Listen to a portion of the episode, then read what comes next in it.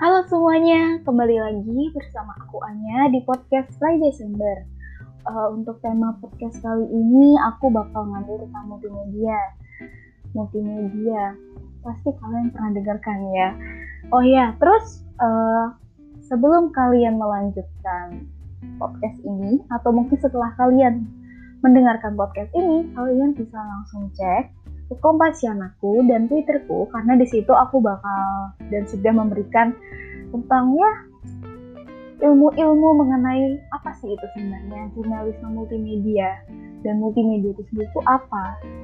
Jadi, jadi kan jangan lupa cek di twitterku at Anyamation dan Kompasiana Larissa Natania. Oke kita lanjut aja. Jadi uh, sebenarnya tuh generasi milenial ini kita tuh deket banget gak sih sama namanya penggunaan internet, penggunaan gadget. Nah, sekarang itu kita dianggap sebagai orang yang multitasking. Karena ketika kita sedang mengkonsumsi berita terutama kita tuh juga pasti sambil menggunakan internet. Terus juga kayak kita tuh mencari data-data kira-kira sebenarnya ini benar nggak sih berita yang dikasih? Terus kita juga mungkin ketika email masuk kita balas email atau sambil chatting juga bisa kan kita sedang membaca sebuah berita di suatu portal media online.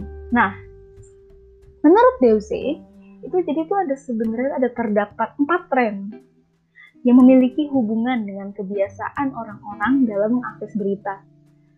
Kira-kira apa aja sih sebenarnya? Oke, nggak usah basa-basi, langsung aja. Yang pertama, ada membaca kita pasti udah nggak asing nggak sih? Kayak membaca. Dari kecil kita pasti sudah diajarkan untuk membaca. Cuma apa sih yang sebenarnya membedakan? Nah sebenarnya itu orang-orang zaman sekarang itu kita kita ini udah ini udah nggak pernah nggak sih baca versi cetak? Kayak berita versi cetak koran gitu. Kalau masih ada wah kalian keren sekali sih. Tapi kita tuh sekarang tuh lebih memilih baca secara online Ya mungkin ini kita bisa lihat contohnya aja sih. Contohnya itu ada Kompas. Kalian pasti tahu Kompas kan?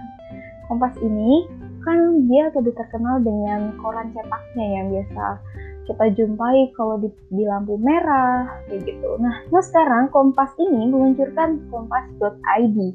Kompas.id ini dia yang menggantikan koran cetak menjadi e-paper. Jadi orang-orang yang ingin berlangganan dari koran cetak ke e-paper itu juga bisa kalau kalian pengen banget itu kalian juga bisa langsung langganan di kompas.id. Terus, hmm, menonton. Menonton apa ya maksudnya menonton? Oke, okay. jadi kan ketika kita sedang mengakses berita, kita sering buka itu loh kayak yang di YouTube di Kompas, di kompas.com atau Tempo atau mungkin media-media lain yang memberikan berita tapi dengan editing video, editing gambar, nah ada dimasukkan ke YouTube biasanya. Kayak gitu. Terus ketiga, mendengarkan. Ayo, sekarang siapa yang masih mendengarkan radio? Sih udah jarang kan?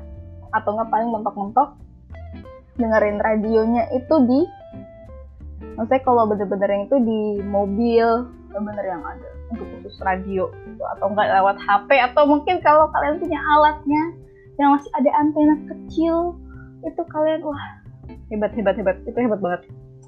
Kalian harus diapresiasi. Tapi sekarang kita juga udah kalau dengerin radio kan pasti kita udah online. Kayak mungkin kalian bisa buka lewat websitenya. Contoh nih Prambors. Prambors itu mereka punya uh, kayak ya pokoknya ada website. Nah di website itu mereka menyediakan live radio mereka di situ. Jadi orang-orang tuh nggak perlu buka radio di HP mereka, terus harus pakai headset. Jadi kalau kalian lagi cuma ada laptop, kalian bisa dengerin langsung lewat laptop dan langsung buka aja websitenya Prambors. Kayak gitu teman-teman. Oke, yang terakhir, multitasking. Jadi, pengguna media itu bisa dikatakan di atasnya kita jadi kayak multitasker karena kita tuh selalu terlibat dalam kegiatan konsumsi dan produksi informasi dalam media yang berbeda secara bersamaan. Seperti itu teman-teman. Jadi gimana?